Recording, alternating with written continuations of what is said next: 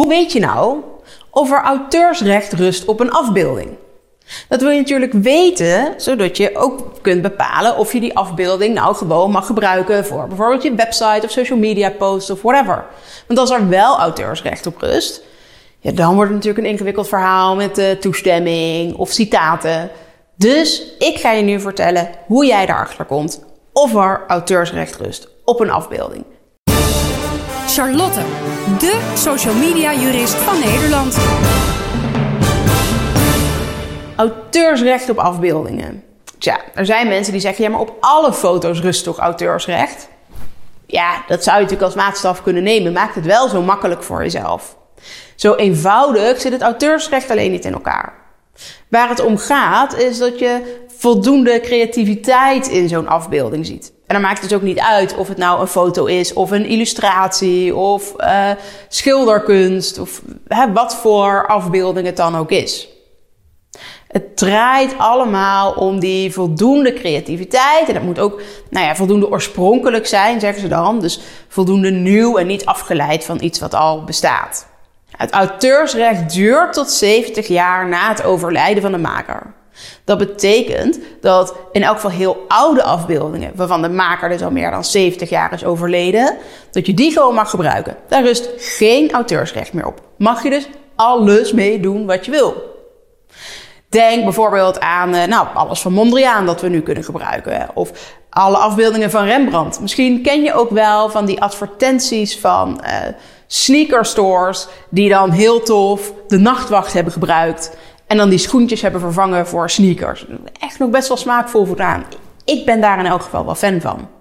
Mag dus ook gewoon. Sterker nog, um, het Rijksmuseum stelt heel veel van dat soort afbeeldingen gratis beschikbaar. Ze hebben dat gedigitaliseerd. Ze zeggen, nou, er is toch geen auteursrecht meer op. We bieden het je nog in hoge resolutie aan ook. Doe ermee wat je wil. Ze zeggen zelfs, joh, misschien wel leuk om, uh, wat is het wat we als voorbeeld hebben? Een Fiat 500 geloof ik. Om die mooi te car wrappen daarmee. Of maak er telefoonhoesjes van. Wat je wil. Hoe je verder dus kunt bepalen of er auteursrecht rust op een afbeelding. Ja, het is wat lastig. Het gaat namelijk om die creativiteit. Je zou bijna kunnen zeggen, hoe ingewikkelder een afbeelding en hoe meer erop te zien is, hoe groter de kans dat er ook auteursrecht op rust.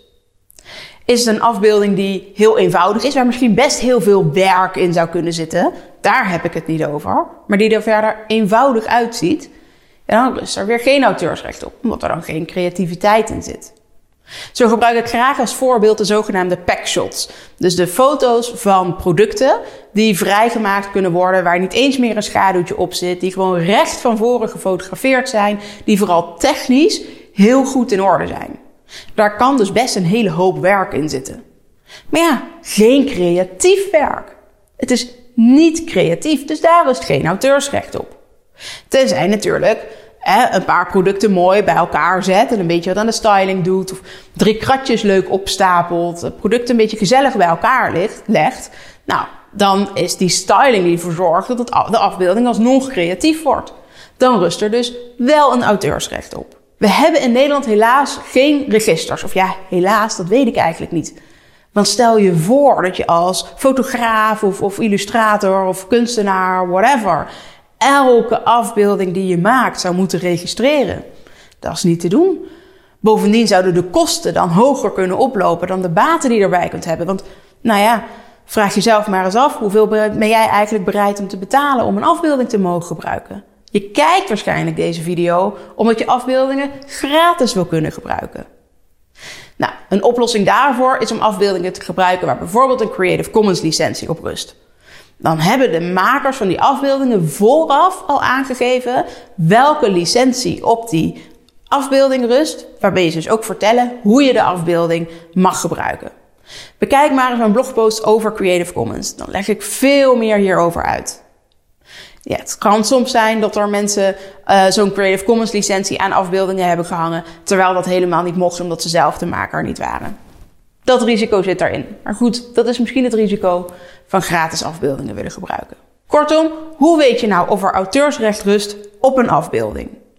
Allereerst heel oude afbeeldingen, waarvan de maker al meer dan 70 jaar geleden is overleden. Daar is het auteursrecht van komen te vervallen. Verder moet een afbeelding voldoende creatief zijn. Zit er dus creativiteit in een afbeelding, hoe minimaal die misschien ook is, dan rust er auteursrecht op. Ontbreekt echt alle creativiteit, zoals bij packshots, dus die technisch goede afbeeldingen, maar verder zonder creativiteit, dan rust er geen auteursrecht op. Zoek verder vooral naar goede licenties, zodat je afbeeldingen toch kunt gebruiken op de manier zoals jij dat zou willen, zonder in contact te hoeven treden met de maker.